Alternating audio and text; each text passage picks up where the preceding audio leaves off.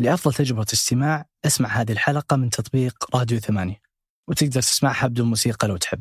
أصدقاء مربع الرائعين أهلا بكم في حلقة جديدة من بودكاست مربع. معي أنا حاتم النجار كل خميس ضيف جديد نبحث معه عن قصة جميلة أفكار مفيدة ونقاشات مثرية.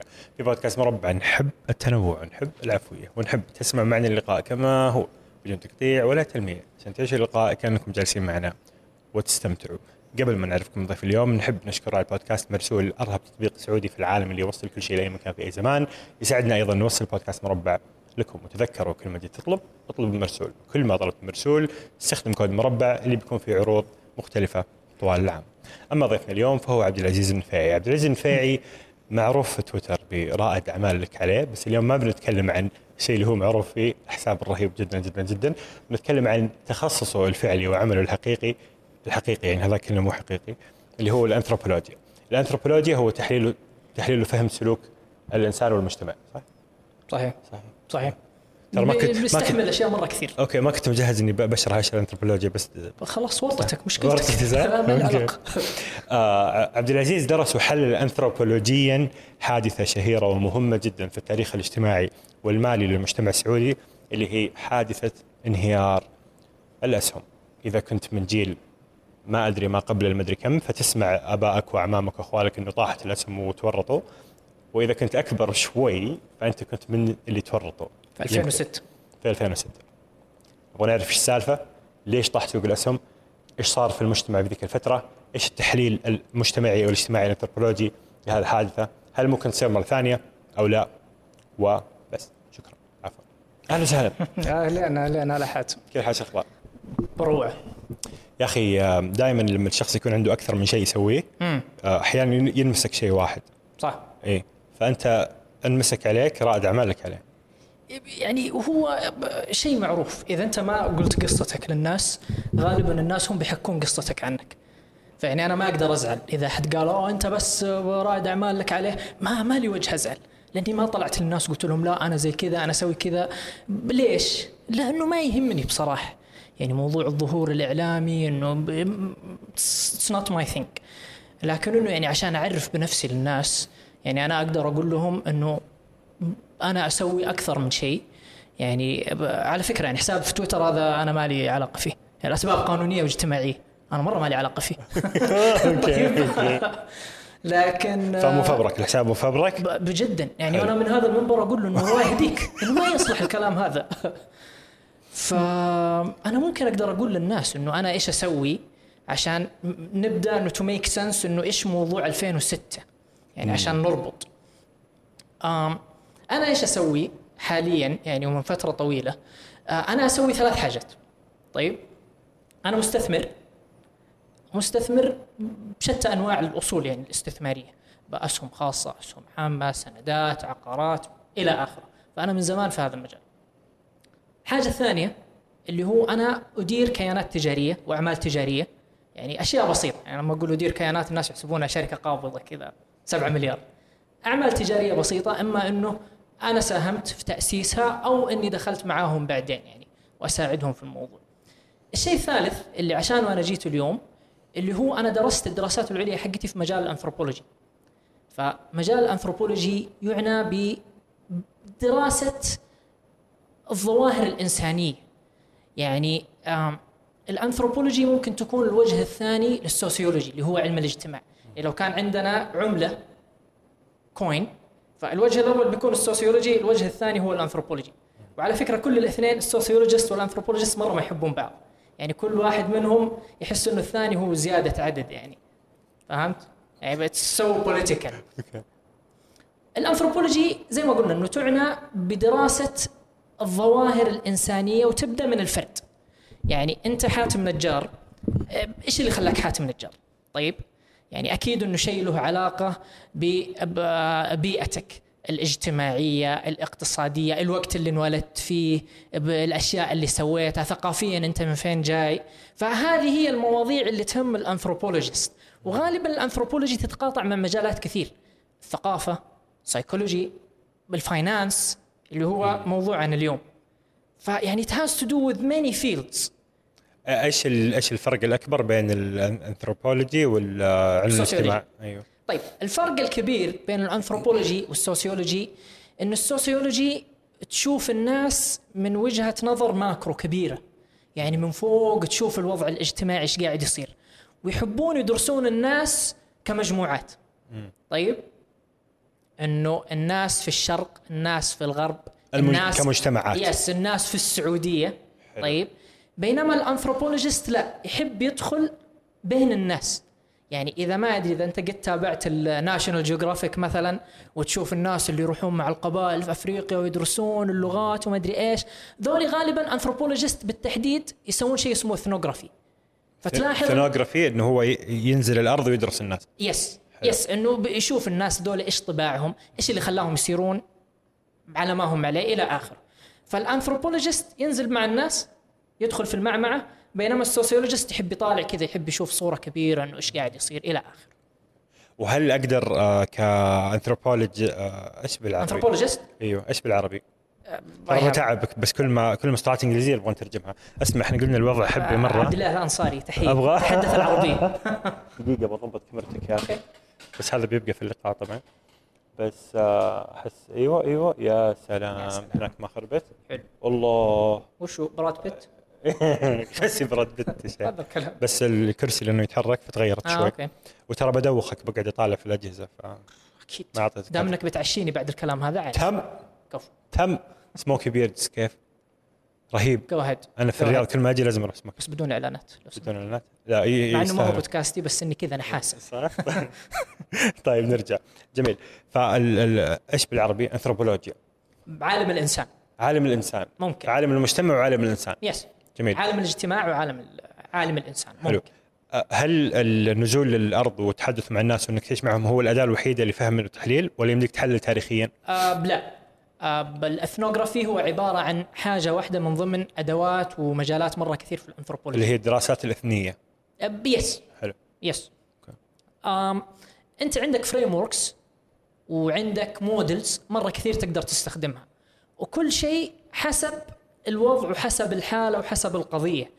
لكن آه الأكيد إنه وأنا أحب أسوي التصريحات النارية. طيب. الأنثروبولوجيست بشكل عام يحبون يتعاملون مع البيانات النوعية وليست البيانات الكمية. طيب غالبا الأنثروبولوجيست إنسان شجاع ما يحب يتخبى ورا الأرقام. والله إنه أنا قلت زي كذا أنا وجهة نظري كذا لأنه في الأرقام قالت كذا. نو الأنثروبولوجيست بشكل عام طيب وهذه مرة جنرال ستيتمنت يحب تو ميك ان اسامبشن ويقعد يمشي وراء الفرضية هذه. إنه الناس مثلا زمان كانوا يحبون الشاهي في الثمانينات مثلا أخواننا الكبار لأنه ما كان في مشروب ثاني. اسامبشن فرضية. فرضية. بعدين كيف يثبتها وينفيها؟ أمشي وراها. آه. أمشي وراها. أقابل ناس. حلو. أحب أشوف أرصد أشياء إلى اخره حلو حلو. كأنك قاعد تقول إنه عالم الاجتماع ما يسوي كذا. اي كانت مان اتس سو بوليتيكال قلت لك. إيه. لكنه بشكل عام مثلا في المجال الأكاديمي في المجالات اللي زي هذه الناس يحبون يتخبون وراء الأرقام. يحب يقول لك شيء بعدين يقول لك آه إنه أنا عندي الأرقام هذه وإنه يعني بصراحة يعني بعض الأحيان يو كانت موف فورورد ما تقدر تمشي قدام بالأسلوب والطريقة هذه. إي أي أحد يتكلم علميا ويقول أرقام على طول يح- يحس إنه هو اللي مدرك. مع إنه يعني نص الأرقام يمديك تقول رقم بطريقة ما تؤدي إلى حقيقة yes yes المعلومة. yes كلها على السرد. يعني أنا صح. أقدر أخذ مجموعة أرقام وأسردها بشكل معين عشان أدعم وجهة نظري. صح صح صح. جميل. طيب إيش اللي إيش اللي إيش اللي يخليك تروح تخصص زي كذا؟ كيف يعني ليه رحت آه، انثروبولوجيا؟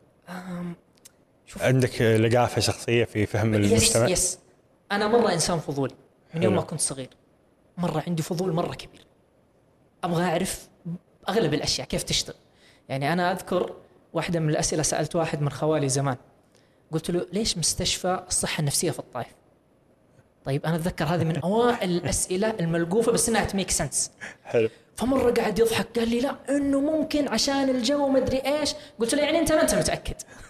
قال لي لا والله ماني متأكد. قلت خلاص يعطيك العافية. وهذه من اللحظات النادرة عندنا في السعودية. واحد يقول لك ما أعرف بصراحة.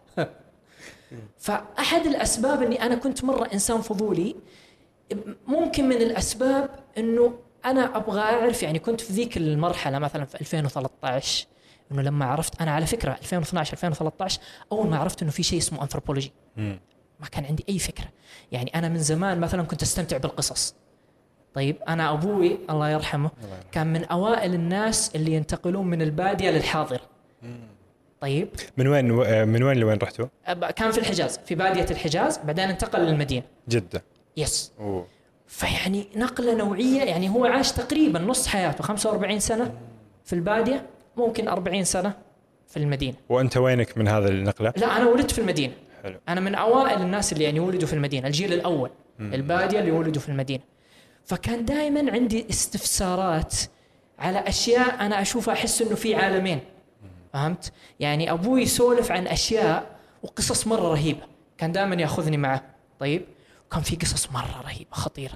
القصص هذه أنا مرة اي كان ريليت لأنه أنا أحس إنه القصص اللي يحكيها إنه هذا كأنه أنا. إنه لو كنت في موقف مشابه إنه أحس إنه آه هذه القصة تشبهني. بينما أنزل في الحارة طيب نلعب كورة أدري إيش هذا إلى آخره. قصص ثانية ما تشبه القصص لا لأنهم. من أول في المدينة. يس آه فيعني كان في عالمين لكن إنه الأكيد إنه القصص. السبب الرئيسي اللي خلاني أمشي ورا الأنثروبولوجي يعني أدخل ورا الحفرة هذه أشوف إيش فيه موضوع القصص. مرة أستمتع بالقصص. ولما كبرت بديت أعرف أنه أنا ليش أستمتع بالقصص؟ يعني أنت كم مرة يعني آه، سمعت قصة وحركت حاجة فيك؟ تشوف مقابل لستيف جوبز وتقول الله الحين أبغى أبدأ المشروع حقي. صح؟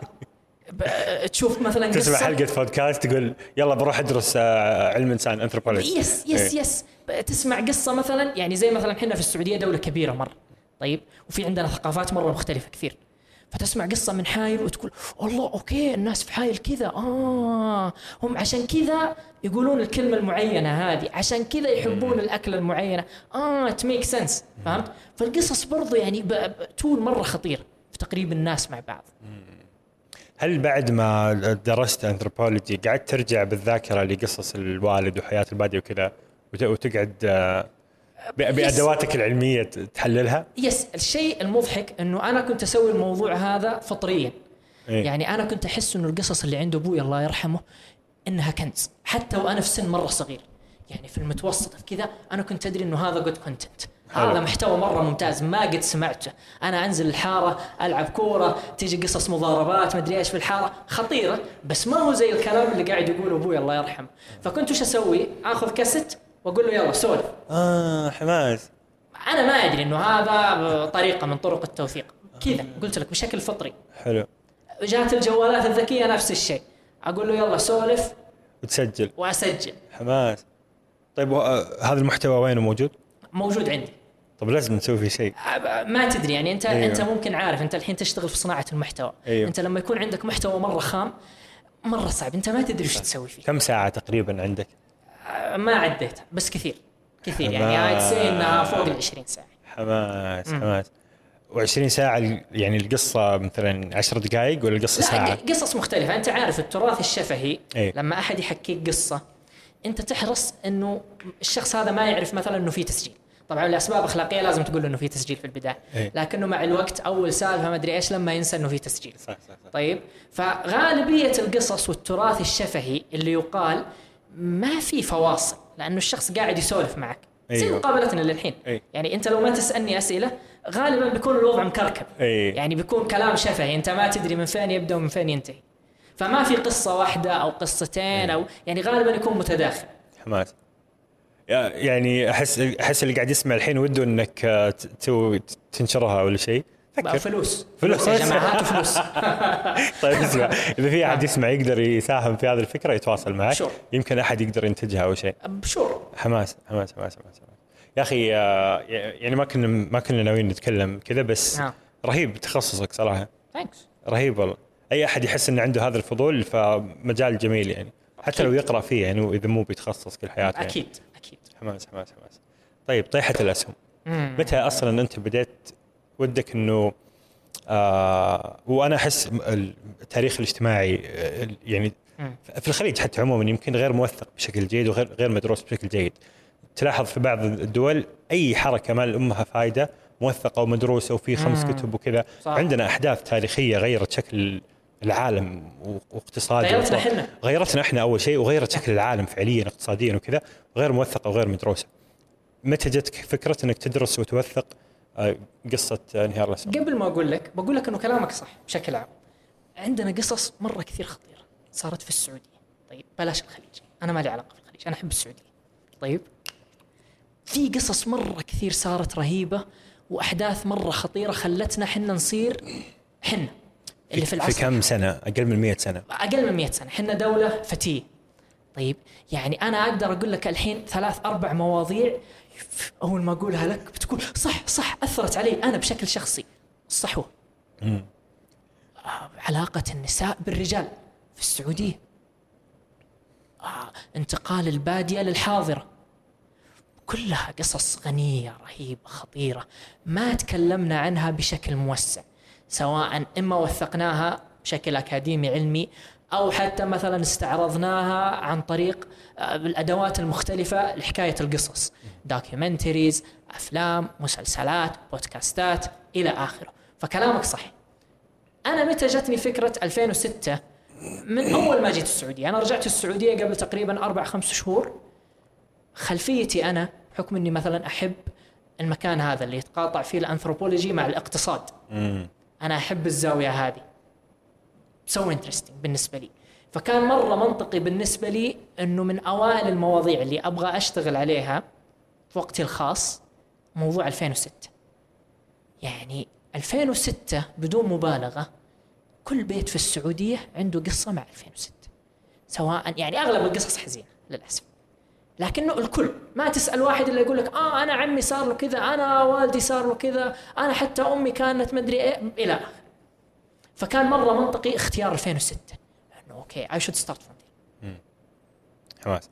آه آه، على طاري ما أبغى ما أبغى اقطع السالفة بس على طاري التوثيق اعظم بالنسبة لي أعظم بودكاست سعودي في التاريخ أشياء غيرتنا. ممتاز. ارهب ارهب أرهب بودكاست. تذكرته على طاري هذا الموضوع. يس يعني رهيب ما يعني مو مو أنا اللي بسوق الأشياء غيرتنا صراحة بس إذا في أحد ما يعرف أو يعرف وما سمع ويسمع أشياء غيرتنا. نرجع. أول ما بديت تدرس هذا الموضوع مم. وصف لي كيف كانت الحالة ال ال الاجتماعية مع الأسهم مم. قبل قبل الانهيار. خلينا ناخذها على نقول ثلاث مراحل. المرحله الأولى قبل 2006 خلينا نقول من 2004 ل 2006 مم. إيش كانوا يسوون؟ 2006 أو قبلها حتى بشوي اللي هي مرحلة الحرجة الانهيار ما بعد الانهيار اشرح لي كيف كانت الناس تتعامل مع الأسهم وفكرة الأسهم والفلوس والاقتصاد في 2000 و... من وين نبدأ 2004 آم ممكن 2002 بس إنه أنا لما بديت مشروع 2006 وبديت أشوف أنا كان مرة مهم عندي إني أفهم القصة. أنا ما أبغى ال bits and pieces اللي تحصلها في الجريدة. القطعة الصغيرة. yes بترجم لك إيش إنجليزي. عبد الله الأنصاري تحدث بالعربي.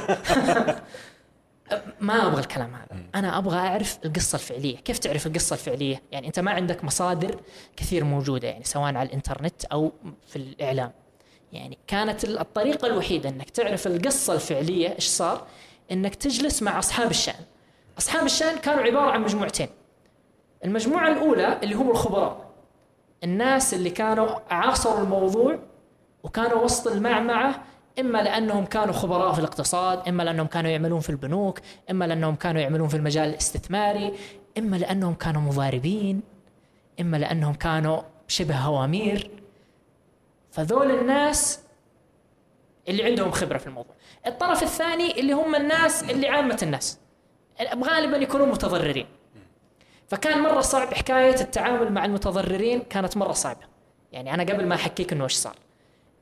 المت- في شيم وعار مرة كبير مربوط بموضوع 2006 الكل يبغى يتعامل مع الموضوع الناس اللي تضرروا يبغى يتعامل مع الموضوع على إنه شيء صار خلاص ما عاد نتكلم عنه نكنسه تحت السجادة خلينا نتظاهر إنه ما قد صار. وهو الآن أب عمره 50 مثلا أو 60 وكذا. فما يبغى يشعر بس نتكلم انه على قبل 15 سنة وقت إيه. تسجيل اللقاء إيه. 15 سنة تقريبا. اي بس معظم المتضررين هذه أعمارهم الآن. ممكن. معظم المتضررين الحين يعني في الجيل اللي هو في آخر الثلاثين. اي يعني وانت طالع. فكانوا مرة ما يبغون يتكلمون. يعني مع إنه يعني ما هو صحيح. أنت انت إيش سويت؟ دورت عليهم جلست معهم كلمتهم؟ غالبا اللي يصير إيش؟ إنه تجيك قصة عن طريق وسيط. واحد يقول لك إنه والله آه أنا والدي صار له كذا. طيب تعال خل والدك يجينا يقول لا. فحنا يعني ما ندقق كثير إنه fine نبغى بس القصة في البداية. نبغى يكون عندنا إحساس بالأشياء اللي صارت. حلو. فالمتضررين ما قدرت تتفاعل معهم وتاخذ منهم معلومات كثيرة. أو كان صعب؟ آه، قدرنا ناخذ قصص لكن عن طريق proxy يعني عن طريق إحنا. إحنا باقي ما أنتجنا. يعني مثلا إحنا حاليا شغالين على موضوع معين على 2006 اللي هو وثائقي. حلو. يعني لحد الحين ما في ناس مثلا متضرر فعلي هو بنفسه خسر فلوس ووافق قال okay أنا بطلع أقول. يعني دائما ممكن ناس يوافقون اللي هو عن طريق وسيط. حلو، إنه أنا حلو. okay أنا والدي صار له كذا إلى. حلو.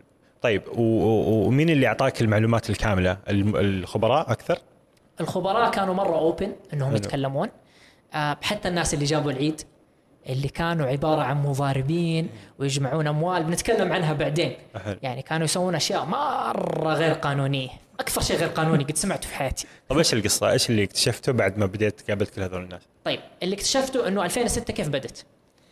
عشان نعرف 2006 كيف بدت حقيقة ما بدت يعني ما بدأ الانهيار الفقاعة ما بدأت وانتهت في 2006 يعني ممكن نقدر نتبعها تقريبا إلى نهاية 2002 طيب نهاية 2002 إيش اللي كان صاير؟ أسعار البترول كانت يعني تقريبا في القاع 23 دولار في بحر العشرين. طيب آه الناس أغلبهم ما كان عنده فكرة إيش يعني أسهم. يعني أغلب الناس ممكن في ناس مرة كثير إلى وقتنا الحالي فكرته عن الأسهم إنها عبارة عن أشياء في الهواء. آه، حنا نتعامل معاها مضاربات آه، إنها قمار من الآخر.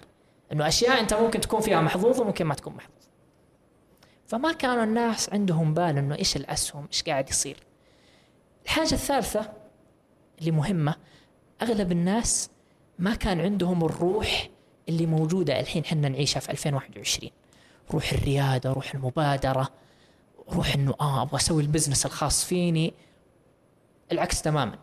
أغلب الناس كانوا موظفين إذا أنت ما كنت تنتمي إلى عائلة تجارية في 2002 بداية ال 2000 فأنت أغلب الظن ما راح تفكر إنك تسوي مشروعك التجاري. فهذا يضيق كان قطاع عام. أبغى أتوظف في الوزارة في العسكرية في المستشفى في التعليم. معظم معظم الناس كانوا كذا. معظم الناس اللي ما كانوا ينتمون إلى عوائل تجارية ما كان عنده فكرة إيش يعني أسهم. يعني اللي كانوا ينتمون إلى عوائل تجارية آه أوكي. ممكن عندهم فكرة عن الموضوع. والأهم انهم ما كانوا يبغون يوظفون المدخرات اللي موجودة عندهم. فكان عندهم يزيد ال pile of cash إنه فلوس مجمعة جالسة. كمية الفلوس كانت قاعدة تزيد وما في قنوات استثمارية. يعني وقتها كان موجود فيه الاستثمارات إيش يسمونها؟ المساهمات العقارية. كانت موجودة بس إنه وقتها كانوا فيه كان عليها مشاكل كبيرة. فكانوا حتى الناس مثلا كاشين من موضوع المساهمة العقارية. إنه okay إحنا نسمع إنه في مساهمات متعثرة فحتى هذه قناة مقفولة بالنسبة لي. الشيء الغريب المعلمين من ضد الناس كانوا يحبون الأشياء التجارية الصغيرة. ما أدري ليش كانوا يحبون مشروع البقال مثلا. بقالة مغسلة. البقال المغسلة ما أدري إيه، ليش. إيه. يعني أتمنى لو في معلم يشوفنا الحين يحكي. أظن لأنه مفهوم. ما أدري إيش رأيك؟ ممكن لأنه يشوفون زملائهم مثلا إيه. فكانوا ممكن هذه هي الفئة الوحيدة من الناس اللي ما هم ينحدرون من أصول عوائل إيه. تجارية مهتمين بالأشياء كف الصغيرة كافيتيريا بقالة مغسلة كذا إيه. إيه. فهذا اللي كان يصير حلو صار حدث مرة مهم بنهاية 2002 اللي هو اكتتاب شركة الاتصالات السعودية اس تي سي اكتتاب اس تي سي في ذاك الوقت كان من حيث الأهمية من حيث الوقع يشبه اكتتاب ارامكو اللي عشناه قبل سنة سنتين. يعني كان فيه اهتمام حكومي مثلا إنه الاكتتاب هذا لازم ينجح. فكانت البنوك مثلا تشجعك تقول لك تعال أنت اكتتب مثلا بمئة ألف ونعطيك مئة ألف ثاني. فكان في ناس مرة كثير اللي هم ال early adopters ترجمها عاد أنت. اللي اللي بدوا من بدري. yes الناس ال- المبكرين. الفزيعه yes الناس المغامرين المبكرين اللي ما لهم أي علاقة بالأسهم والأعمال التجارية ممكن تحمسوا فئه مره صغيره قالوا okay أنا عندي مئة ألف البنك بيعطيني مئة ألف ثانية. شكلها فرصة حلوة. أنا أسمع برضو في الجريدة أقرأ إنه آه إنها شركة مستقرة ماليا إنها حلوة إلى آخره. ف fine خلينا نكتتب. صار الاكتتاب حق اس تي سي وسبب ضجة وبدأوا الناس يتداولون الاكتتاب. نزل الاكتتاب في بداية 2003 من هنا ولعت شرارة 2006 والأسهم ليش؟ لأنه بمجرد نزول شركة الاتصالات السعودية في سوق الأسهم السعودي السهم تضاعف تقريبا مرتين أوف. في- في خلال مدة- كم؟ في مدة مرة بسيطة ما تتجاوز 6 8 شهور يعني اللي حط 100000 صار عنده 300000 تقريبا اللي أخذ 100 و100 يس. بيرجع للبنك 100 وبيصير هو عنده 600 يس. فبيصير هو سوى 500 من 100 ورجع 100 للبنك. فهذا خلاص. أحلى وسيلة تسويق وإعلان عن سوق الأسهم قد صارت في السعودية. يعني اللي درى واللي ما درى. عرف إنه في شيء اسمه سوق أسهم وإنه المكان هذا أنت تحط فيه فلوسك تتضاعف في مدة بسيطة. بدون ما تسوي أي شيء أنت بس تجلس. تحط رجل على رجل. يعني قبل مثلا كان عشان تفتح محفظة استثمارية موضوع مرة سالفة طويلة. تروح البنك وتعبي أوراق ويكون عندك خمسين ألف مينيموم مم. في حد أدنى لدخول الأسهم؟ يس كان في خمسين ألف. أغلب البنوك تقول لك طيب نفتح لك محفظة استثمارية بس أعطينا خمسين ألف. حلو. أنت من يوم ما تحس يعني أنت بطبعك كذا رجل أنت مالك في الأعمال التجارية تحس إنه الموضوع مثير للريبه إيش اللي يعطيك 50000 طيب أنا أبغى أسوي فلوس ليش أعطيك 50000 دقيقة 50000 حد أدنى ولا هذه؟ حد أدنى م... أنت ما ما تعطيه البنك. آه بس عشان تفتح محفظة لازم يحطون لك في المحفظة. وإذا شلته يعطونك مهلة آه. ترجع الرصيد هذا أو يقفلون محفظتك. okay. عدد المحافظ الاستثمارية قبل اكتتاب اس تي سي كان 45 ألف محفظة استثمارية فقط في كل السعودية. كان التعداد السكاني ذاك الوقت للسعوديين 17 مليون ونص.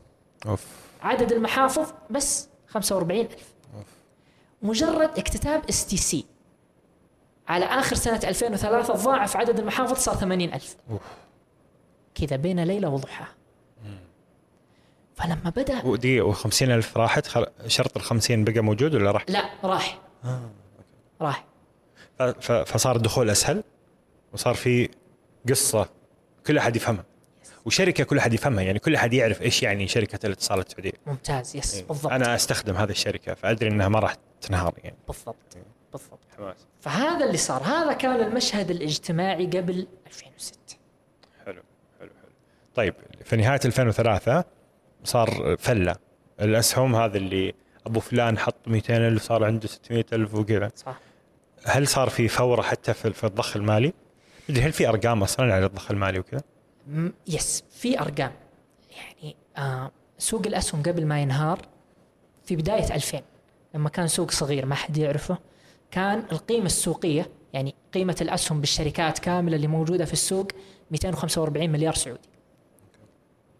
في عز الفقاعة كم تتوقع وصل الرقم؟ تريليون؟ كم؟ 2 تريليون فاصل 45 يعني 10 ضعف 10 مرات. 10 مرات. أوف.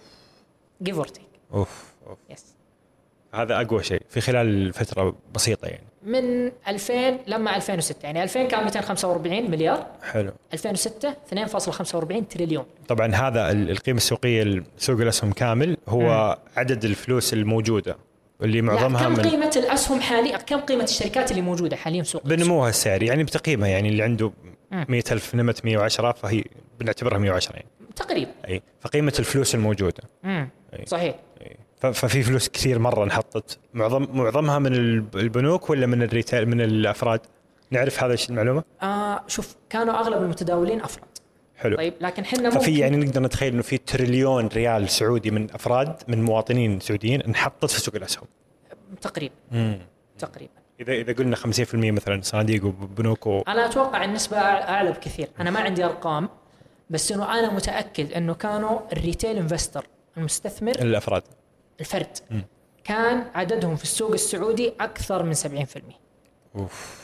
يعني في عز الفقاعة في عز الهذا يعني تقريبا يعني يعني من تريليون إلى تريليون ونص ريال من جيوب ال- الأفراد السعوديين كانت في سوق الأسهم.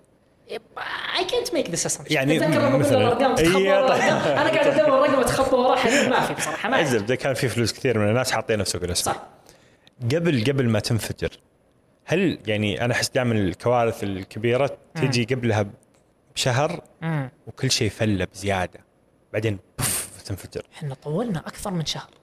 يعني إحنا دخلنا موجة صاعدة سوق الأسهم حلو. من 2003 لما صار الانفجار يعني لما صار الانهيار. كان الوضع مرة فله. ممتاز إيش جدا. إيش كان يصير؟ ممتاز جدا. أنا أقول لك الوضع. شوف كان في أشياء مرة كثير قاعدة تصير مع بعض في نفس الوقت. يعني في ناس يقولون إنه سوق الأسهم كان مؤامرة. أنا أفهم ليش يقولون مؤامرة. لأنه القصة أنت لو بتكتبها ما راح تكون زي ما صارت. يعني أنت لو جلست تخطط إنه يصير في فقاعة ما راح تكون زي ما صارت. لأنه في أطراف مرة كثير وأجزاء مرة كثير في القصة قاعدة تتحرك. في نفس الوقت وقاعدة تدعم إنه السوق يرتفع. أعطيك مثال. دخل الفرد كان قاعد يتضاعف. يعني مع تضاعف أسعار البترول، أسعار البترول على فكرة برضه دخلت موجة صاعدة.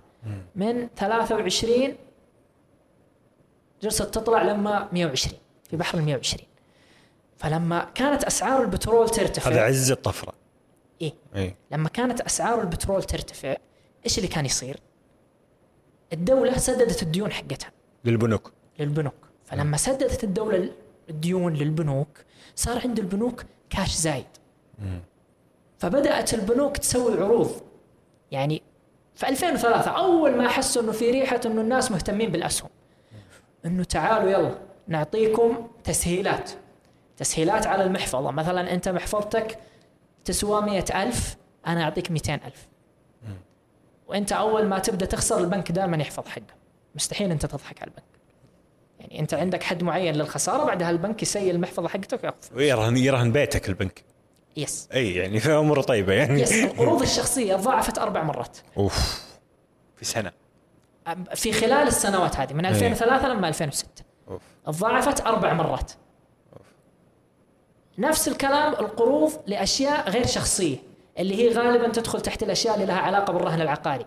لما ترهن بيتك لما ترهن أرض لما إلى آخره. هذه ضاعفت أيضا. دخل الفرد برضو ضاعف. كان 32900 متوسط دخل الفرد متوسط دخل. الفرد في السعودية. في السنة.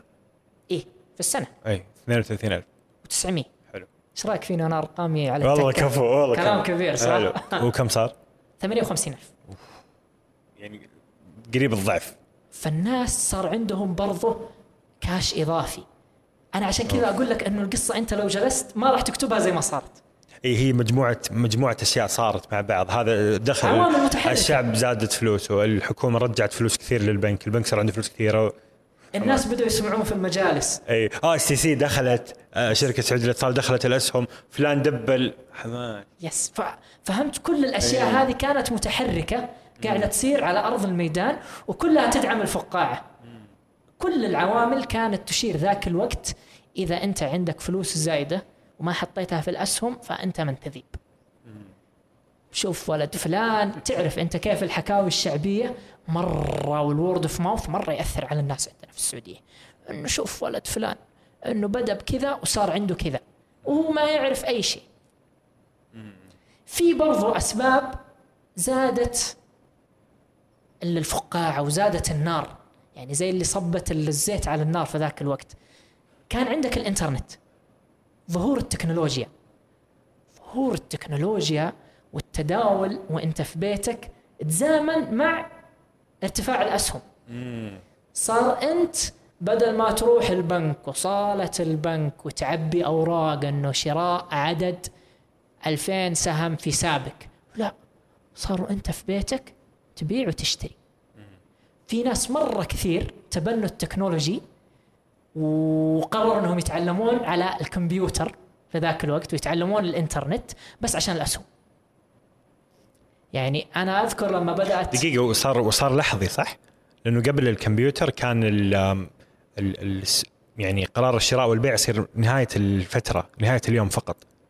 آه يعني ما كان, كان تبيع وتشتري. تشتري أسهم لازم تروح البنك. اولا فلازم تروح وتعبي أوراق وكذا. ثانيا السعر يعني ما في تذبذب كل دقيقة وكل ساعة لا كانت الأسعار لحظية. لحظية؟ كانت الأسعار لحظية. بس مو كانت نهاية اليوم؟ لا اللي كان نهاية اليوم آه موضوع المقاصة. آه. موضوع المقاصة في البنك نفسه. لكن أيوه. أنت بعت واشتريت تقدر تاخذ فلوسك في نفس اليوم. وعلى فكرة هذه كانت من المشاكل. يعني ممكن نتكلم عنها في الأسباب. حلو. في كل أغلب الدول اللي عندها سوق أسهم ناضج كان في شيء عندهم اسمه T plus 2 إنه أنت تبيع اليوم لكن فلوسك تأخذها بعد يومين. عشان تمنع حكاية الأموال الساخنة والهبال والمضاربة كل يوم وادخل واطلع. لكن ما كان فيه كانت المقاصة تصير في نفس اليوم. أنت بعت اليوم أسهمك تقدر بنهاية الجلسة تأخذ فلوسك وتروح. فمعليش الحين عشان أبيع وأشتري لازم أروح اولا للسوق. زمان كان لازم تروح البنك. حلو. صارت التداول. وصارت تداول في الصالة واللي في اللي أصلا الصور 2006 كلها من الصالة ناس طالع في هذا يس- وتبكي ومدري إيش. ذول الناس اللي ما تبنوا التكنولوجي آه، اللي okay، كانوا أوكي. مقاومين للتكنولوجي. لكن كان في نسبة كبيرة تبنوا التداول. حلو. لكن برضو مع ظهور التكنولوجي كان في ناس كثير يحبون الصالة. حلو. بس اشرح لي الصالة إيش كان يصير فيها؟ فأنا أروح عشان أبغى أشتري مثلا أبغى أشتري آه، ألف سهم في سابق أجي أخذ ورقة آه، نموذج مم. وأكتب ألف سهم في سابق. بي- واكتب السعر يعني ولا؟ أنت تروح يعني في حال افترضنا إنه أنت باقي ما تعرف للإنترنت والتكنولوجي حلو.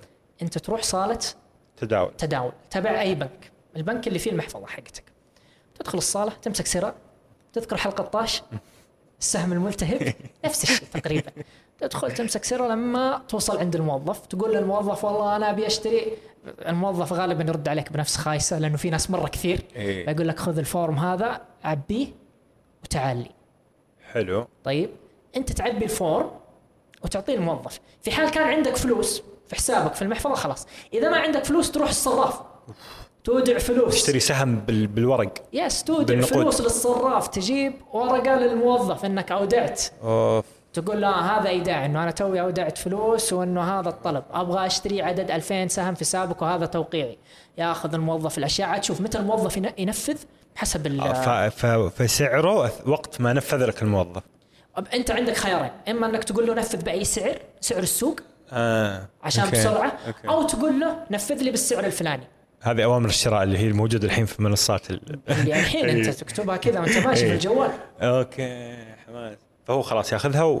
ومن محفظتك اللي في البنك يشتري هذه الأسهم. صحيح. بعدين إيش يعطي؟ كيف يعني كيف أملك الأسهم؟ يعطيني صح خلاص لا تنزل لك في في المحفظة. في المحفظة في البنك. أنت تتكلم ممكن عن الشهادات أي، صح؟ أي. الشهادات لا هذه قديمة مرة في آه. السبعينات هذه. أي. الشهادات بحضور تداول تداول تم انشائها 1984 حلو. أول ما جاء التداول وصارت مؤسسة السامة تداول كانت تبع سامة في ذاك الوقت. أي. خلاص انتهى موضوع شهادات الأسهم إنه أنا عندي ش... انتهى. أوكي أوكي. حماس حماس طيب حلو.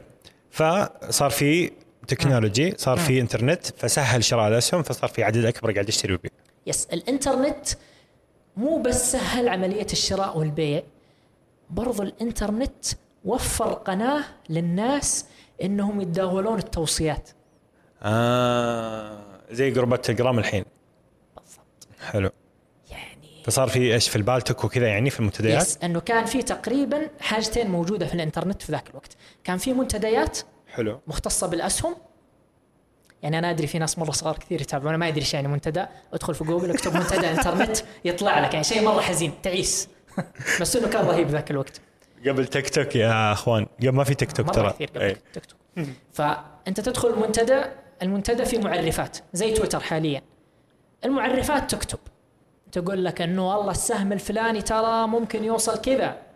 والمعرفات كان لها سمعة زي تويتر الآن. معرفات يعني حساب شخص بس ما يكتب اسمه. صح. سهم الليل مثلا. أيوه كانت من جد كانت الأسماء دائما سخيفة. إيه. يعني ضب الأسهم مثلا صقر الأسهم. يعني ما هو معقول أنت تأخذ فلوسك وتشتريها كذا من مدخراتك ومدخرات عيالك عشان واحد اسمه ضب الأسهم. كذا في بيته وأنت ما تعرف مين قال لك اشتري كذا تشتري. تنسين بجنون. إيه. فكان في المعرفات هذه. كانت المعرفات ما تكتب عن طيب نيه. آه. يعني المعرفات غالبا بنسبة كبيرة. يشتري يرفع السهم يروح. yes هذا. اما إنه الشخص اللي وراه المعرف هو بنفسه اشترى في السهم هذا. ويقول لك إنه اشتري آه إنها فرصة حلوة. فأنت بمجرد ما تشتري السهم يطلع 2 3 4% يبيع عليك. ربح مرة سريع ومضمون. يسمونه pump and dump ممتاز.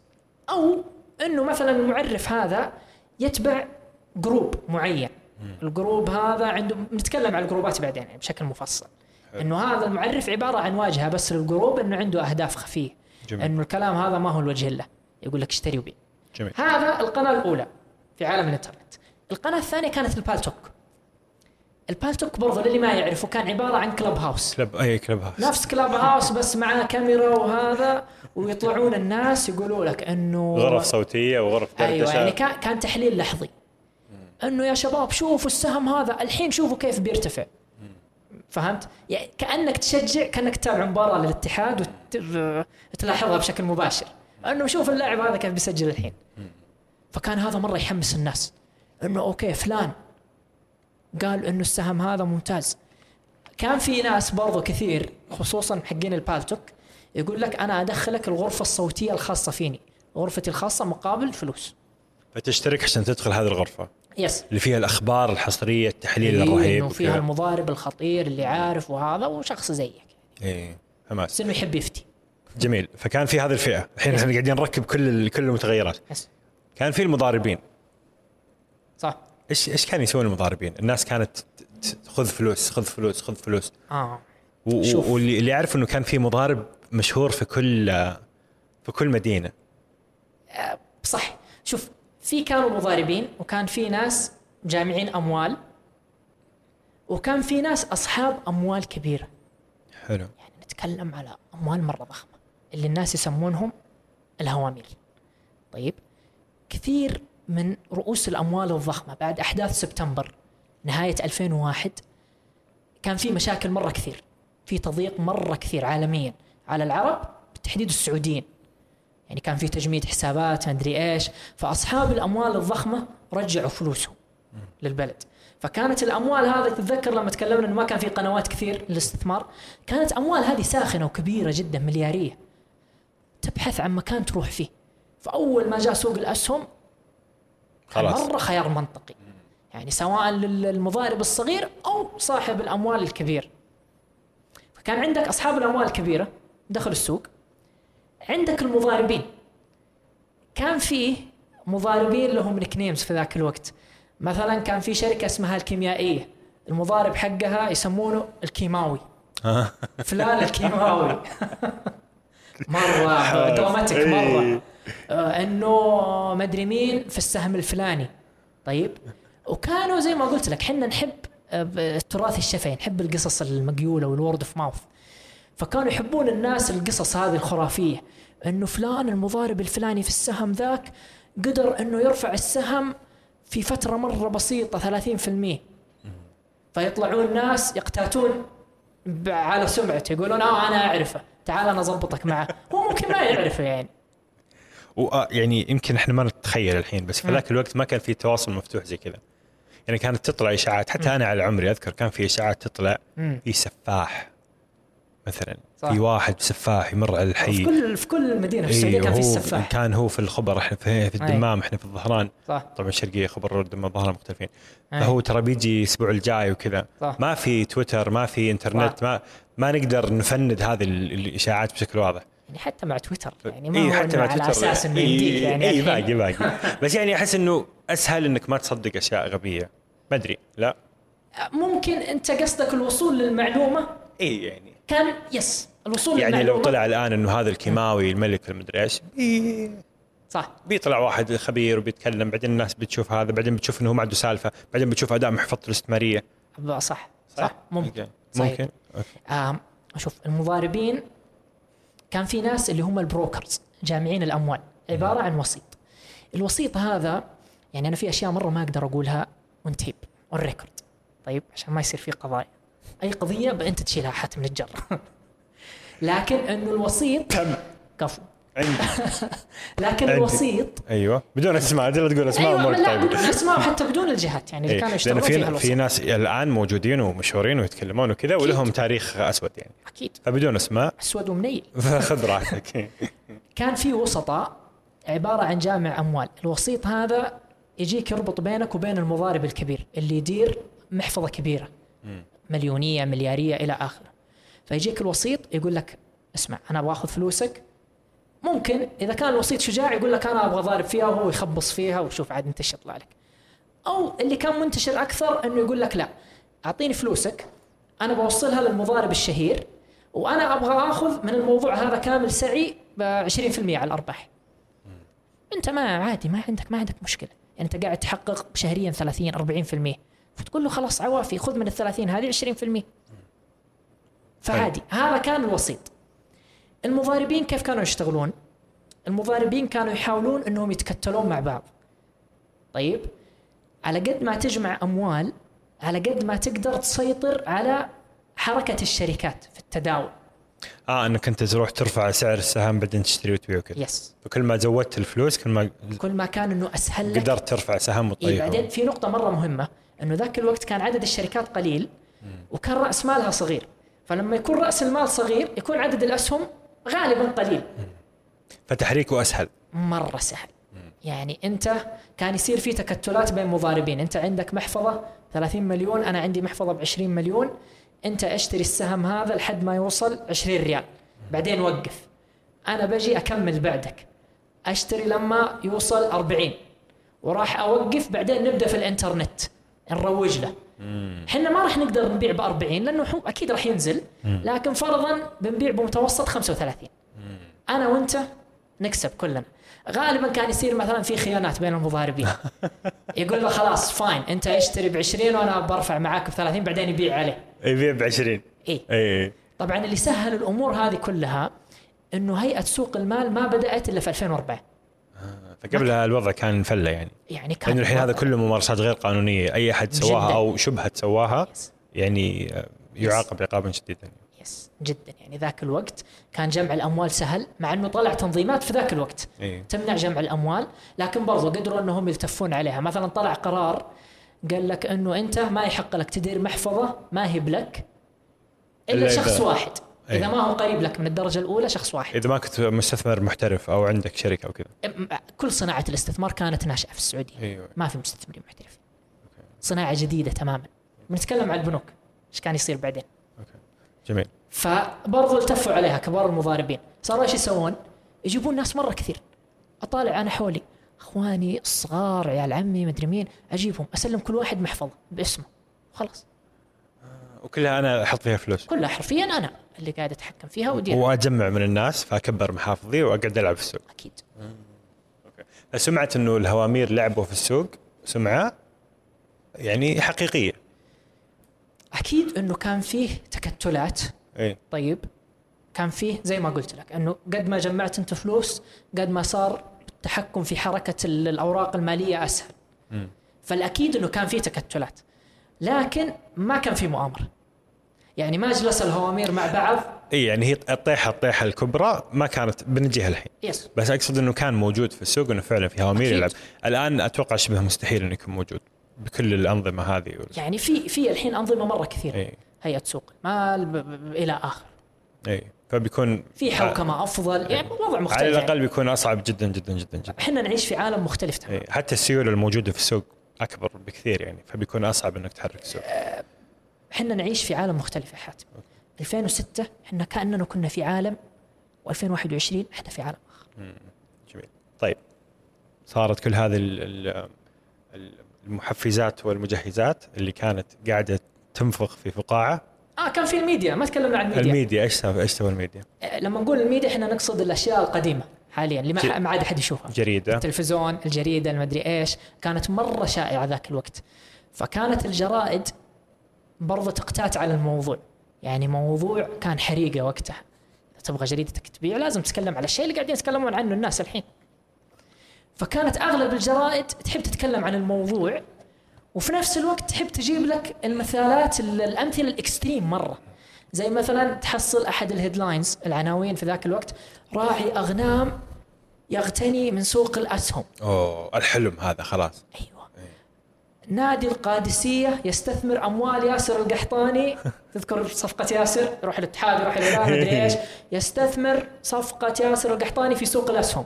امم أنه في مستثمرين أجانب ودهم يدخلون. هذه الأشياء كلها شعبوية. إيه. أي أحد يتابع كورة أي أحد راعي غنم أو أو أكثر أو أق... كل أحد. يس يعني من القصص مثلا اللي كانوا الناس يتندرون عليها إنه ذاك الوقت إنه مثلا صالات الأسهم قبل يتندرون الله شفت يا أخي. العربي؟ شفت اللغة العربية؟ عبد الله الأنصاري برضه تحية ثانية. أسلم. عبد الله الأنصاري ما يعرفه حق تحدث العربيه في لقاء معه اللي ما شافه كل مرة نقول كلمة إنجليزية وتجي نغزة في بيتهم. طيب. أتمنى إنك بخير عبد الله الأنصاري. يس لأنه قال. كلمات إنجليزية كثيرة فيمكن تعب. أسلم. آه في ذاك الوقت من القصص مثلا اللي الناس يتندرون عليها واشتهرت. طبعا مثلا في قصة آه صار في اكتتاب انتشرت الاكتتابات في ذاك الوقت لأنه كان في إقبال كثير من الناس فكانت الشركات مرة تحب الاكتتابات. يعني أنا أنزل اكتتاب طبعا كابوس أكبر شركة كل الشركات في العالم إنها تسوي اكتتاب وإن الاكتتاب هذا ما يتغطى لحد الحين. فذاك الوقت كان العكس تماما الناس متعطشين لأي شيء له علاقة بسوق الأسهم. فكان في اكتتابات كثير. فكانوا الناس مثلا يتندرون على إنه في مدينة معينة صار في اكتتاب والناس كانوا صافين سرا في واحد جاب الهايلوكس حقه. فمرة زعل إنه الناس واقفين في الشمس والبنك ما فتح إيش سوى؟ دخل بال Hilux في البنك. طيب فكانت من القصص اللي مرة انتشرت ذاك الوقت وقصة صحيحة في قصة برضه ثانية صحيحة أيام الناس لما تروح صالات التداول اللي مرة ما كانوا عارفين لل technology كانوا يحكون إنه في واحد دخل صالة التداول ومعاه شنط مليانه فلوس. طيب دخل ولا صف سرة ولا أي شيء. دخل حط الفلوس على ال counter حق الموظف قال اشتر لي في سابك. yes. فأنت تعرف أول ما هو قاعد يصير شيء زي كذا أي. إنه في مصيبة في. مشكلة. yes إنه مستحيل الوضع هذا طبيعي. أوف. وهذا غالبا ما كان يعني مستثمر محترف فاهم كذا. غالبا سمع من أحد من ولد عمه فجاب كل فلوسه وفلوس اللي حوله وحطها في سابك yes. okay. في في قصص إنه كانوا الناس يرمون فلوس لل يس هذه- هذه يعني من. التراث السعودي أي. طيب نفس شفت قصة السفاح أي. كان في في كل مدينة في السعودية نسختهم من السفاح أي. في في كل مدينة من السعودية كان نسختهم من قصة جامع الأموال الخطير فلان كل منطقة في السعودية له لقب طيب إنه الشخص هذا مثلا كان يستثمر للناس في سوق الأسهم وإنه يعني كان يتبطر عليهم إنه ما يأخذ أي أحد إنه مثلا يبحث عن فلوس رؤوس اموال كبيرة. فكانوا الناس يسوون؟ يربطون الفلوس هذه ويرمونها له من سور بيته يكتب له هذا اسمي وال- فلان وتكفى استثمر لي. وال هذه أنا ما ما قدرت أوثقها بصراحة. أي. يعني ما أدري إذا إنها صحيحة ولا لا. بس على الأغلب إنها صحيحة. لأنه في كل مكان تجلس تسولف مع الناس عندهم نسختهم. أي. أهل الشمال عندهم نسختهم أهل الجنوب الغربية إلى حماس. يا. حماس حماس حماس. طيب. كل هذه المتغيرات مم. كل احد متحمس الناس ترمي فلوس المضار- المضاربين يس تخش البنك تحط كاش وتمشي. يس فجأة انفجرت الفقاعة. آم قبل ما تنفجر الفقاعة يعني بفترة بسيطة طبعا انفجرت الفقاعة 26 فبراير 2006 أوف. طيب قبلها من بداية 2006 كان في تحركات مرة كبيرة لهيئة سوق المال. يعني كانت ما زالت هيئة يعني هيئة فتية توها جديدة فمثلا كانت تطلع قرارات غرامات على مضاربين معينين. يعني الناس اللي مرة جابوا العيد طلعت لهم عقوبات. إنه مثلا نعاقبك انك ما عاد تتداول بس مسموح لك تبيع. بس مو مسموح لك تشتري. عشان يرجع للمساهمين. yes برضو في ذاك الوقت كانت تجي خطابات من جهات دولية زي مثلا صندوق النقد. كان دائما يخاطبنا هنا في السعودية يقول لنا إنه ترى هذه مرة واضح إنها bubble هذا- yes وال bubbles على فكرة يعني ما هو بس عندنا في السعودية. يعني ال bubbles تكونت وانفجرت في أماكن مرة كثير حول العالم في البرازيل في. إلى اخره من الدول. أمريكا ال- المورجج موضوع البيوت 2008. الرهن العقاري حق الرهن العقاري الدوت كوم 99 فما هو موضوع يعني يخصنا حنا ولأننا حنا ما عندنا سالفة. هذا موضوع عالمي. لكن طبعا أبعاد الموضوع أكيد إنها ثقافيه محلية. تناسبنا حنا. فكانت تيجي خطابات من الصندوق الدولي والجهات الدولية إنه ترى الوضع هذا يا جماعة إنه يعني ما هو طبيعي. فكانت هيئة سوق المال تحاول إنها تلم الموضوع. مثلا تطلع غرامات على المضاربين. آه، حاولوا مثلا إنهم آم، تذبذب كانت نسبة التذبذب آه، صعودا ونزولا 10% الحد الأدنى لها. الحد الأدنى للورقة المالية هذه إنها ترتفع اليوم من آخر سعر تداولت فيه أمس 10% فوق 10% تحت. فهيئة سوق المال يعني قال هذا زال موجود. هذا الحين موجود. أيوه. لكنه طلع قرار في ناس مرة كثير يتوقعون إنه القرار هذا هو سبب الانهيار. مرة ما هو سبب. إيش القرار؟ طلع قرار يعني قبل الانهيار بأيام معدودة. طلع قرار إنه تحديد نسبة التذبذب هذه من 10% ل 5% 5% خسارة. 5% نزولا؟ آه، كله 5% صارت خمس- صعودا من آخر إغلاق إي الأمس. نفس الفكرة بس صارت 5 5 إي. طيب. طيب. قرار عادي يعني ما في شيء. لكن إنه الناس يحبون يربطون بينه وبين الانهيار لأنه بينه وبين الانهيار فترة زمنية بسيطة. يعني. أيام نتكلم على أيام. بس أسباب الانهيار هي كل السالفه هذه. أسباب الانهيار الأشياء اللي تكلمنا عنها ممكن نتكلم على أشياء إضافية بعدين. لكن إنه الانهيار ما عمره يعني كان سببه شيء واحد ولا هوامير ولا بنوك ولا بالإنترنت. أسبابه مرة كثير مختلفه اللي صار إنه بعد القرار هذا عينك ما تشوف إلا النور. يوم 26 فبراير السوق جالس ينزل نزول عمودي. يعني أغلب الأسواق حول العالم إذا تبغى تسوي شيء اسمه تصحيح. طيب يعني الأسهم الأشياء هذه ما تطلع طلوع صعودي غالبا تشوفها تتذبذب صح؟ لو تفتح تشارت تطلع شوي تنزل شوي. طبيعي. لكن اللي صار نزول عمودي. الناس تحط أوامر بيع ما تقدر تبيع لأنه الكل يبغى يبيع. ما حد قاعد يشتري. ما حد قاعد يشتري. فهذا فاقم الموضوع. خلى النزول مرة شنيع. فصار الناس تعرض بسعر أقل. فيطيح السهم كل أكثر. كل يوم أنت تعرض ب 5% أقل من اليوم اللي قبل ولا حد يشتري. كل فتنزل. يوم ننزل 5% وجلس الموضوع هذا مستمر لحد نهاية 2006 كل يوم كان السوق أحمر. كل يوم لكن بعض الأيام يصير في تذبذب. زي مثلا آه الحكومة تدخلت في ذاك الوقت وأوعزت للصناديق إنها تدعم السوق. فكان هذا يخفف من حدة النزول شوي. لكن تذكر أنه أغلب المتداولين من كانوا أفراد. أفراد. ما كانوا صناديق. والخوف يكبر وال ال- ال- يس فمثلا اللي يعني. خسر آه الأسبوع اللي راح كان خسران مئة ألف. أي. الأسبوع هذا خسران أكثر 140 ألف. يقول الله ليتني خسرت الخسارة اللي الأسبوع أي. اللي حتى مع التذبذب. فيبدأ يبيع. أي. كان فيه شخصيات معروفة ب- برضه يعني زي باقي الناس. ما كان في أي مؤامرة ولا كان في أي شيء. ناس كانوا يخسرون أصحاب أموال كبيرة كانوا يطلعون على الميديا. طيب في التلفزيون في هذا وكانوا يقولون الناس إنه آه لا تبيعون إنه آه، إن شاء الله بترجع. فكان يصير في تذبذب إنه السوق آه يرتفع. لكن في الأخير الواقع يفرض نفسه. أنت عندك سوق مكرر الربحية price to earning ratio مكرر الربحية اللي ما يعرفه من المقاييس المعروفة في عالم الأسهم. إنه ال P يعني E اللي يسمونه P E P E yes إنه بحسبة بدو إيش هو مكرر الربحيه إنه عبارة عن كم أنت الفترة اللي تأخذها لحد ما تسترجع فلوسك.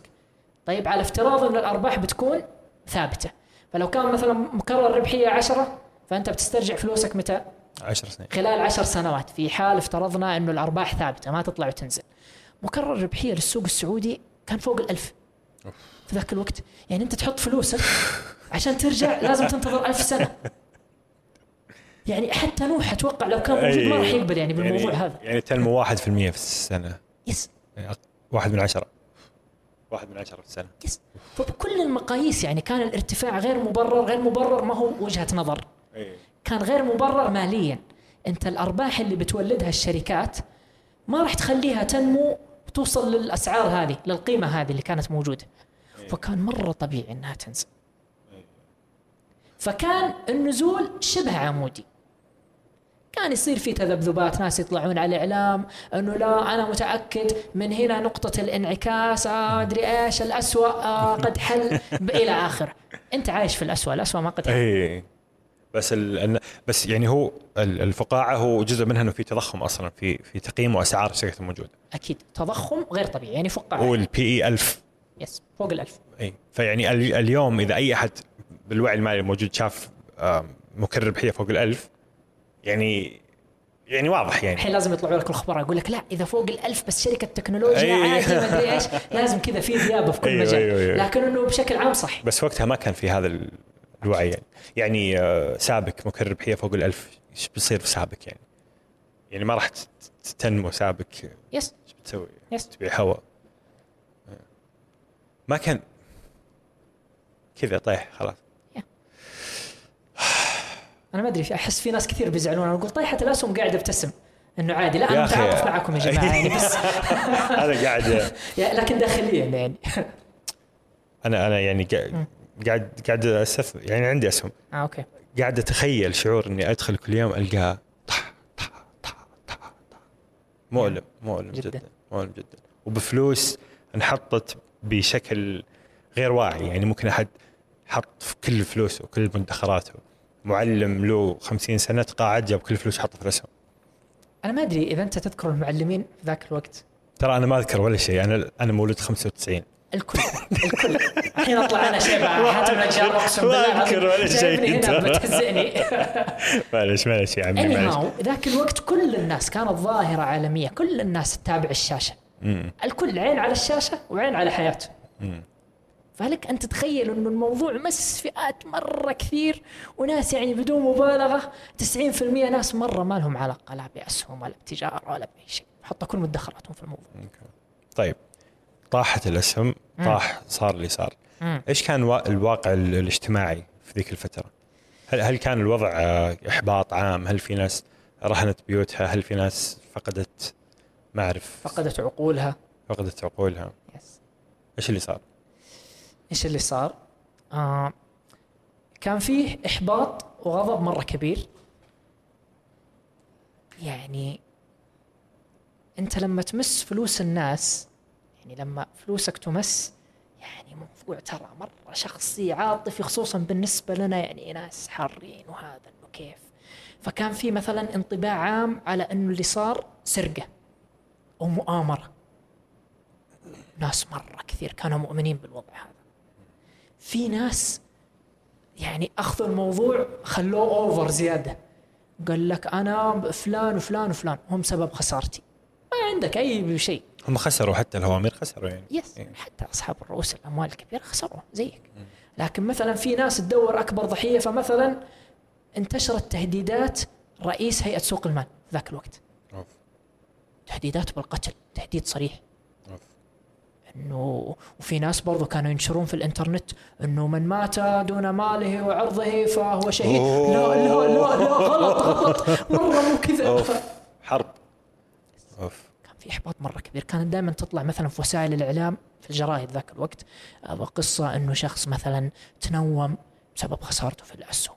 صارت له مشكلة ناس جاتها سكتات إلى اخره من الأشياء. أنا ما أنا وقفت على قصص أخرى. ما كان فيها وفاة. ما كان فيها جنون لكن كان يعني فيها إحباط وكان فيها خسارة كبيرة. أنا في ناس أعرفهم يعني واحد أعرفه من بعيد فأظن أقدر أقول قصته بدون ما يبين مين هو. أوكي. بس الآن هو عنده آه، دقيقة بغير القصة شوي. طيب خل... الان مثلا عنده ورشة نجارة. حلو. شكل عنده ورشة حداد. فأنت غيرت شوية بس. حولها حولها طيب. طيب. آه، عنده الآن مثلا ورشة نجارة وخلاص عنده شقة صغيرة ساكن فيها وخلاص ومبسوط. ومرتاح وكل شيء. وهو كان في زمن مضى هامور وبطران وفلوس. وسيارات وفيلا وكذا وهذا. حلو. بسبب هذه الطيحة طبعا طفر رجع إلى الصفر مم. وأحبط. صار محبط ومكتئب وكذا. وخلاص أخذ هذه آه، أخذ شقة صغيرة بسيطة جدا في حي جدا بسيط ومهنة بسيطة يدوية يعمل عليها وأسرته وأولاده وبناته وكل شيء. آه ترى ما عنده يا أولاد يا بنات. أنا قلت أولاد وبنات آه، عشان ألخبطكم. أنا كنت خلاص. إيه، ألخبطكم وخلاص هو إيه. كذا إلى الآن إلى من من 2006 وما زال يعيش الإحباط هذا لحد اي الحين. اي خلاص. يس. يعني الموضوع ترك ندبة وترك أثر وترك إحباط. لحد الحين في ناس مرة كثير يعيشون. إيش في أشياء أنت شفتها؟ ضيقة الصدر. في من القصص مثلا اللي وصلتني ويعني كانت من القصص المؤثرة. لي واحد حكاني إنه أبوه كان مجمع مدخرات حياته. كان توه في ذاك الوقت متقاعد من جهة معينة أعطوه شيك الذهبي ما أدري إيش. وكان عنده يعني تحويشة العمر. وكان على وشك إنه يبني بيته الخاص. يعني كان الموضوع عبارة عن الفلوس أنت بتأخذها بتحطها بتبني بيتك الخاص. صارت الأسهم وبدأ الناس يتكلمون وبدأ ال hype والحماس وهذا. فأخذ الفلوس حطها في الأسهم. حطها في الأسهم. طبعا يعني رجل كان على أعتاب نهاية حياته المهنية توه متقاعد. يعني ما في أي سيناريو مثلا إنه بيبدأ حاجة جديدة ولا يعرف ولا يعرف مثلا أعمال تجارية يبدأ career جديد ما في. خلص هذه تحويشة العمر خلص أبغى أضاعفها بيصير بدل ما أبني بيت آه بيت كان هذا كلامه. البيت مع الاثاث أوه. فاللي صار إنه صارت الطيحة. ويعني والولد يحكيني. ولد يقول أنا ذاك الوقت يقول أنا مثلا كنت في الجامعة يقول أنا أعرف أبوي من قبل يقول أبوي إنسان مختلف تماما بعد الموضوع يقول كأنك كسرته يعني الرجل جلس مكسور لحد ما توفى يقول ما هو نفس أبوي اللي قبل. فمثلا من الأشياء اللي يسويها الولد بعدين توظف في البنك. فالأب لأنه يعني رجل كبير في السن وهذا يعني تعرف. رجل معرفته بسيطة. فكان يتوقع إنه آه ولده شغال في البنك فأكيد إنه يعرف في الأسهم أكثر من باقي الناس. فكان يقول عنده موعد شهري كل شهر يجيني قبل ما يتوفى. كل شهر يجيني يسألني ها كيف حالك؟ ها بشر كيف المحفظة؟ يقول كنت مضطر أكذب عليه. أقول له لا إن شاء الله الشهر هذا ما شاء الله ممتازة بس اصبر عليها. اصبر عليها وبترجع وها يقول مرة ما كان في تغير كبير. يقول حتى هو أنا أحس إنه مو مصدقني. بس يحتاج يسمع هالكلام يمكن. بس إنه يحتاج. فجلس يعني الرجل يعني جلس مكسور مريض لحد ما توفى. فهذه من القصص. برضو قصة أخرى يعني من منطقة أخرى في السعودية. آه مجموعة من الأخوان آه هم تقريبا أربعة أو خمسة أخوان. آه اثنين منهم كانوا دائما يتداولون وهذا وأنت دائما ترى يجيك آه باحساس ثقة مزيفة. يعني مثلا الكل كان يكسب في ذاك الوقت. فتحس انت اللي مدرك السوق إيه ما هو لأنك إنسان خطير و- صقر ال- الأسهم. أنت كنت ضب الأسهم في ذاك الوقت. ضب الأسهم. فأنت يجيك الثقة ال false هذه الثقة الكاذبة إنه أنا اوه شكلي أعرف. إنه آه لا أنا عندي مصدر موثوق. يعني زمان كانت تجي الناس رسائل SMS. اشتري السهم الفلاني؟ فالناس يتحمسون يقول والله الرسالة أكيد جات من الرياض. أكيد الناس في الرياض عارفين. ما أدري إيش علاقة. فكانوا ذول الأخوين كانوا يطقطقون في الموضوع ويكسبون فحمسوا مثلا أخوانهم واخواتهم كانوا معلمين موظفين إلى اخره فقالوا أعطونا فلوسكم وخذوا قروض شخصية. فوقها قد ما تقدرون جمعوا لنا فلوس بنضاعفها و... صار اللي صار. وبعدها صار في مشكلة. ما عاد يتكلمون مع بعض. أوف. الأخوان كلهم يعني أخوان أشقاء وشقيقات يعني صار بينهم شرخ لحد الحين يعني ما نتكلم أوف. الكل ما عاد يتكلم مع بعض. وحنا لما نتكلم نقول إنه ما عاد يتكلمون مع بعض يعني ترى حاجة مرة كبيرة بالنسبة لنا في السعودية. صح. يعني حنا مجتمع جمعي كولكتيف وعيالهم وأم وأخو يعني إحنا دائما نمشي مع بعض. عوائل اي ما يفرق بيننا إلا الموت. إيه. فيعني لك أن تتخيل. هذه برضو من القصص اللي صارت. الله لا يعيدها. الله. لا يعيدها. فعلا. الله لا يعيدها. فعلا. كيف بدأ يل- يل- يلتئم هذا الجرح؟ أخذ وقته وانفجرت الفقاعة نسمت رجعت الاسواق ت- ت- شوف أنا ما أدري إذا إنه مثلا يعني في فئة مرة كبيرة الفئة المتضررين الأساسيين اللي فعلا فقد امواله يعني أنا ما أتوقع إنك لو تقول له عن الأسهم الحين إي طبعا طبعا طبعا. إنه بيتحمس ايا كان السياق. يس وفي ثقافة الآن موجودة لجيلنا إحنا عن ثقافة خاط- مغلوطه عن الأسهم بسبب الجيل اللي فوق اللي يتأثر سلبيا بالأسهم. يس. يقول لا الأسهم سيئة أنا خسرت لا تدخل. أيوه أنه الأسهم مثلا إنها عبارة عن لعبة. قمار ولعب هوامير ويلعبون في السوق آه، ويخسرونه وخلاص. إلى آخره. فأنا أحس إنه الجيل هذا ميؤوس منه. خلاص. يعني بدأ يشوف له مجالات أخرى في عالم الاستثمار والأشياء هذه. هل في فرصة إنه الآن يصير زي ما صار في 2016 إيش إيش الفرق بين آه. جاهزية الوضع الحالي إنه يصير مجت- مجتمعيا وماليا وت- وتشريعيا وكذا وإنه شوف. 2016 history does not repeat itself. يقول إن التاريخ لا يكرر نفسه. يقول كلا. بل but it rhymes.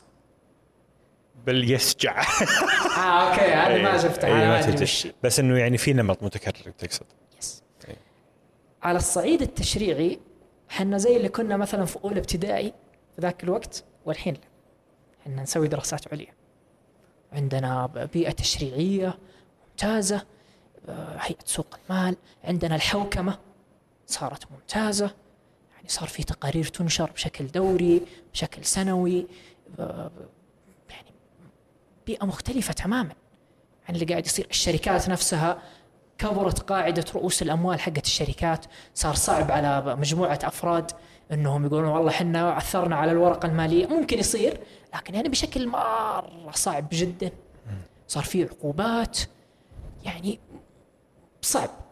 من هذه الناحية يعني من الناحية الرسمية ومن الناحية هذه it's nearly impossible مستحيل. على أي حال من الناحية الثقافية في مشكلة. من الناحية الثقافية يعني إحنا كأن عندنا أبناء اللي خبصوا في 2006 الحين. صح. يعني في 2006 مثلا كانوا الناس إنه والله الرسالة جتني على الجوال إنه والله مكتوب في المنتدى. الحين صار فيه إنه والله مكتوب في Twitter. Telegram Twitter. هي إنه آه أنا مشترك في group في تليجرام. أكيد عندهم آخر التوصيات الممتازة. إنه أنا أتابع فلان على تويتر. وعنده متابعين كثير. أكيد يبغى لي الخير. فمن هذه الناحية بصراحة ما اطمن يعني في تقصد إنه في نمط متكرر زي ما كان يصير موجود بوجه مختلف. بوجه وعلى نطاق أقل. أيوة. على نطاق أقل. يعني الحين ممكن في مشكلة ثقافية لعدد معين يعني ومحدود من حتى الناس. تشريعيا التوصية م- ممنوعة يعني قانونيا. ممنوعة. لكن إنه لابد بس في لها تحصل- منافذ. لابد إنك تحصل في group في تليجرام جروبات تليجرام شغالة أي. social media إلى آخره من الأشياء. فهذه فيها مشكلة. برضو على صعيد أقل. الناس مثلا اللي آه يعني الأسهم بشكل عام أنت لما تبغى تستثمر في الأسهم ما هي مصممة للكسب السريع. يعني ما هي مصممة إنه أنت تاخذ معلومتين على الطاير وتستفيد الآن. يعني أنت المعرفة لازم تتراكم عندك ولازم يكون عندك حد أدنى من المعرفة ولازم يكون عندك قابلية إنك تتعلم. فإذا أنت ما عندك الأشياء هذه كلها اطلع من اللعبه ما هي بلك. شوف مجال ثاني.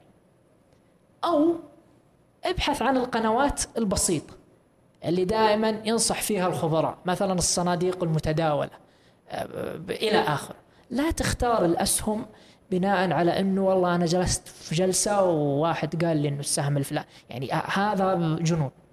هذه سخافة. نفس الكلام ابتعد عن الربح السريع. يعني أنت لما تبغى تشتري لابتوب طيب إيش تسوي؟ حاتم. تبحث وتشوف يوتيوب وتقرأ. وتستشير. أنت تدخل يوتيوب. يعني بحط خ- خمسة عشر آلاف. yes أي أنت بتحط كم الحد الأعلى؟ 10000 عشر آلاف. fine 10000 غالبا الشخص اللي بيستثمر في الأسهم غالبا عنده مبلغ أكبر من 10000 فهو بناء على شخص سمع كلامه في مجلس في تويتر إلى آخره يأخذ ال ألف ويسوي فيها شيء معين يشتري في شركة معينة. سهم المراعي الشهر الجاي بيطلع يا ولد. شيل. جنون. 200 ألف. يس هذا جنون. انت لما تبغى تدور لابتوب تشتريه ب 10000 تجلس وتدور وتفتح جوجل و... بينما فلوسك ومدخراتك يعني اللي انت تعبت عليها أكيد. كيف كذا تاخذها وفي قرار كذا في لمحة بصر عشان شخص عشان. آه آه الآن أنت امم شفت اللي صار. ومع ذلك قاعد تروح تحط فلوس في الأسهم. امم كنت بقول كلمة عيب يعني قلنا. هذا بس لا دامك لا لا. بتعشيني حاتم أنا متقبل منك أي حاجة بعد هذا كنت بقول أما جنون أنت آه. بس يعني آه، فايش إيش الأشياء اللي تخليك الآن. لأن ما ودنا هذا اللقاء يكون يعني آه، سلبي عن الأسهم لأن الأسهم ما هي بالعكس الأسهم واحدة من ال- ال- الطرق ال- اللي ممكن تضمن لك ادخار واستثمار جيد على المدى البعيد زي ما قلت. صح. إذا سويتها بطريقة صحيحة. صح. حلو. إيش الأشياء اللي أنت قاعد تسويها الآن اللي تخليك مطمن إنك أنت قاعد تسويها بطريقة صحيحة؟ يعني آه. هذه نقطة إنك ما إنك ما تشتري سهم أنت ما تعرفه. ما تشتري بناء مم. على توصية عابرة. هذه يعني نقطه مرة أنا- مهمة. أنا لست مخول إني أعطي توصيات. الناس إيش يسوون ولا مش يسوون؟ القواعد العامة المتفق عليها. عامة إذا ما أنت مستعد تتعلم لا تقبل على الموضوع. فكر ألف مرة. شرائك قرار شرائك لسهم باستخدام الجوال أو اللابتوب ترى نفس قرار أنك تفتح مغسلة وتحط فلوس تشتري معدات. نفس القرار. أنت قاعد تدفع فلوس. فمن المعيب والمشين أنك تتخذ القرار هذا على عجالة وبناء على توصيات مجهولة من ناس أنت ما تعرفهم الأسهم قناة استثمارية زي قنوات مرة كثير. كل عالم التجارة. إذا أنت شيء أنت ما تعرف له لا تلعب. من الآخر. ما أنت مستعد تتعلم وتجلس؟ هذا المجال ما هو لك. هذا اللي أقدر أقول للناس وأنا واثق مية في المية. ولا أكيد أنه الأسهم من القنوات الاستثمارية الممتازة. أنت راتبك وراتبي ايا الجهة اللي أنت تشتغل فيها مؤسسة التقاعد التامينات الاجتماعية ترى تاخذ وغالبا تستثمر في الأسهم بشكل عام.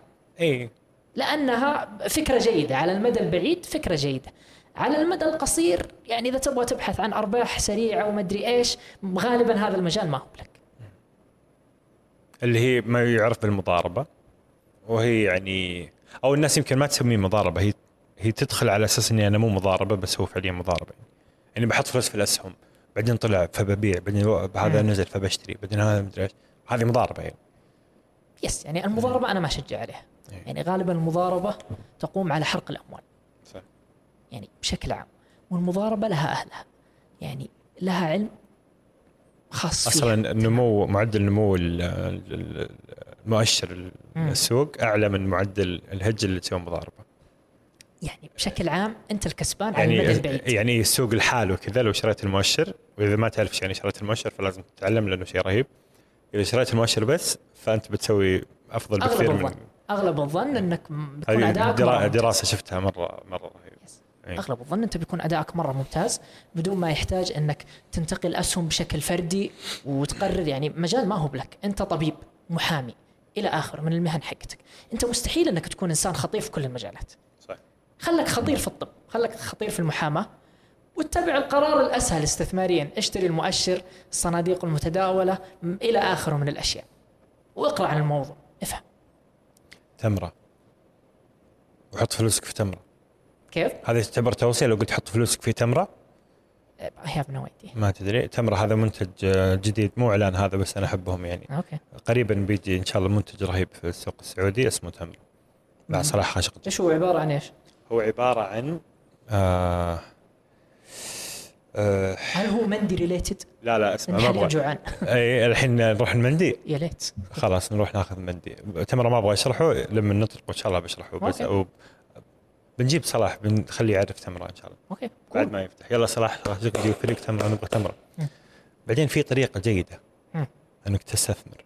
أنك تزيد دخلك وش هو؟ لازم تزيد دخلك أصلا عشان تقدر تستثمر هل تريد أن تزيد دخلك؟ هل تريد أن تزيد دخلك كذا تبدأ هي أي. ها، هل لديك مشكلة في الفواتير عندما تريد- أن تزيد دخلك ما أدري الحين بديت أحس إنه عندي مم. بيع أي شيء من المنزل من خارج المنزل عندك إنستغرام عندك ما انستغرام تتعامل مع عملاء واتساب ولكن كيف تحصل أموالك من الفاتوره؟ كيف يا عبد العزيز؟ بالنق غالبا. شركة Tap المدفوعات لديها تطبيق اسمه goCollect okay. تطبيق رائع. يسمح لك أنك ترسل فاتورة لعملائك. بيع أي شيء من المنزل من الانستغرام من واتساب. حمل تطبيق goCollect وارسل فاتورتك لعملائك. بيعطيهم رابط يدفعون عن طريق مدى Apple Pay وخيارات الدفع المتنوعة. okay. تقييم 8 من 10 وزيد دخلك؟ ها. واستثمر دخلك. كلها مع. بعض. okay fine okay. goCollect راعي من رعاة هذه الحلقة. شكرا goCollect شكرا. Tap. كيف الإعلان؟ 8 من 10 قلت لك. 8 من تقييم. 10 ما حد يأخذ عندي العلامه الكامله مدري إيش أنت تدرس طبعا محاضرة. صح. كيف المحاضرة؟ آه، okay أحلى موضوع مرة بعيد عن 2006 مرة entertaining أنا مرة أستمتع بالتدريس مرة أحب التدريس. يعني على فكرة حتى الأشياء اللي أسويها في الحساب اللي مرة ما هو حقي قانونيا إيه، واجتماعيا نعم. نعم عندي soft spot أحب أقول معلومة بشكل معين شيء إلى اخره أنا مرة انجوي التدريس. آه والله. حماس. كيف علاقتك مع الطلاب؟ أبقى خطيرة مرة. حماس. جميل. عبد العزيز النفاعي شكرا لك. من زمان كان عندي فضول أعرف أكثر عن هذه القصة. العفو تخصصك رهيب. حبيبي. آم، في ترى أثناء اللقاء أنت قلت معلومة خلت عندي فضول على الموضوع ثاني كامل. ما أدري نسوي له حلقة ثانية ولا لا.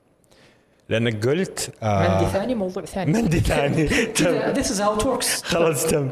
آه، إيش كنت بقول؟ يا أخي المندي ترى يخليك ما تفكر أنت. آه، قلت أنه ترى خلاص خلصنا حلقة يعني بس بنسولف شوي ونقفل. آه، إيش قلت؟ حتى كتبتها عندي ملاحظة. هات دقيقة دقيقة. إيوه. قلت إنه الناس تحولوا للبزنس الآن. الآن قلت إنه في حماس كذا قومي موجود في في السعودية إنه يلا كل واحد يبغى ينجح ويسوي وكذا.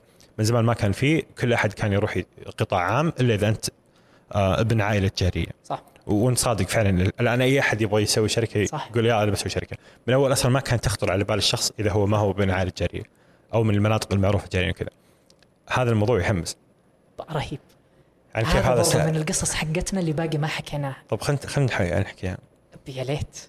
نسوي لها حلقة ثانية؟ يعني هذه قصة شاعرية بالنسبة لي. والله؟ كيف إحنا كنا زي كذا وصحينا وكلنا نبغى نصير رواد أعمال وكلنا يعني ب... يعني ب... مرة رهيب. مرة خطير. حلقة والكل ثانية؟ يبغى يكسب. والكل يبغى يصير له دور. يعني إحنا جانا الأمير محمد بن سلمان الله يطول في عمره. يعني زي اللي ولع اللمبة. عرفت؟ كلنا كذا صحينا واكتشفنا إحنا مين وش قاعدين نسوي. وقال لنا بنروح 2030 تعالوا. فالكل يبغى يروح 2030 بطريقته حماس في الثقافة في السياسة في هذا مرة خطير. حلقه ثانية؟ شور تم تم آه، جاهز الموضوع؟ يعني حلقه ثانية الخميس الجاي؟ أبو شور أوه حماس. ليش لا؟ خلاص قدام. okay. خلاص قدام حلقة ثانية. okay. آه المشكلة الخميس الجاي اليوم الوطني. آه حلقة ثانية. يا الخميس الجاي اللي بعده. okay. تم. deal تم. شكرا عبد العزيز. العفو. يعطيك العافية. شكرا لأصدقاء مربع الرائعين إلى اللقاء. خلاص. مندي أصدقاء مربع الرائعين شكرا لسماعكم كامل اللقاء أتمنى أنكم استمتعتوا وتعلمتوا وعشتوا تفاصيل القصة الرهيبة هذه اللي يمكن سمعنا عنها أظن معظمنا ما كان جزء منها بس يعني سمعنا عنها ويمكن فهمناها أكثر الآن. آه، شاركوا هذا اللقاء مع أي شخص تظنون أن هذا اللقاء بيعجبه ويثيره ويحمسه يفهم القصة الكاملة. شارك في إعداد هذا اللقاء أفنان العسلاني وفي المحتوى جوري جلال. وإلى أن نلقاكم الخميس المقبل بإذن الله. كونوا بخير. ولا تنسوا تقييم البودكاست. وانشروه في كل مكان. يعني جروبات واتساب وكذا.